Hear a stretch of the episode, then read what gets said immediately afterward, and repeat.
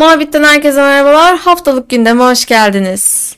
24 Nisan 1 Mayıs 2022 haftasında yani yılın 17. haftasında kripto para sektöründe neler yaşandı hep birlikte bir bakalım.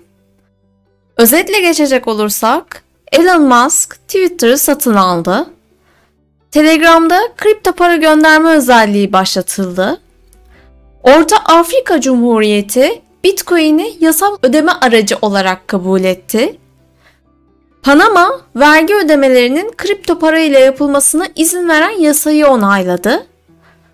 OpenSea, ApeCoin ile ödeme kabul etmeye başladı. Hiç şüphesiz ki geçtiğimiz haftanın en çok konuşulan ve gündeme damgasını vuran olayı Elon Musk'ın Twitter'ı satın almasıydı.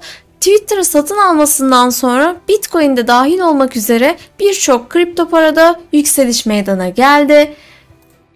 Jack Dorsey, Twitter'ın geleceği için tek çözümün Elon Musk olduğunu savundu. Bu satın alım konusunda Cumhurbaşkanı Erdoğan'ın da bir açıklaması oldu. Elon Musk'ın Twitter'ı 44 milyar dolara satın aldı diye Twitter'daki olumsuzlukların meşrulaştırılamayacağını ifade etti. Bir başka sosyal medya platformu Telegram kripto para dönemini başlattı. Telegram'da bundan sonra iki tane bot olacak ve bu botlar aracılığıyla kripto para daha doğrusu Telegram'ın kendi kripto parası ton ve Bitcoin gönderimi yapılabilecek. Uniswap'a bir dava açıldı. Ekosistemin en büyük merkeziyetsiz borsalarından biri olan Uniswap, SEC'in de ilgilendiği bir dava ile karşı karşıya. Orta Afrika Cumhuriyeti Bitcoin'i yasal ödeme aracı olarak kabul ettiğini açıkladı. El Salvador'dan sonra Bitcoin'i ulusal bir para birimi olarak kabul eden ikinci ülke oldu bu gelişmeyle birlikte. Panama vergi ödemelerinin kripto paralarla yapılmasına izin veren bir düzenleyici yasa vardı ve o yasayı onayladığını açıkladı.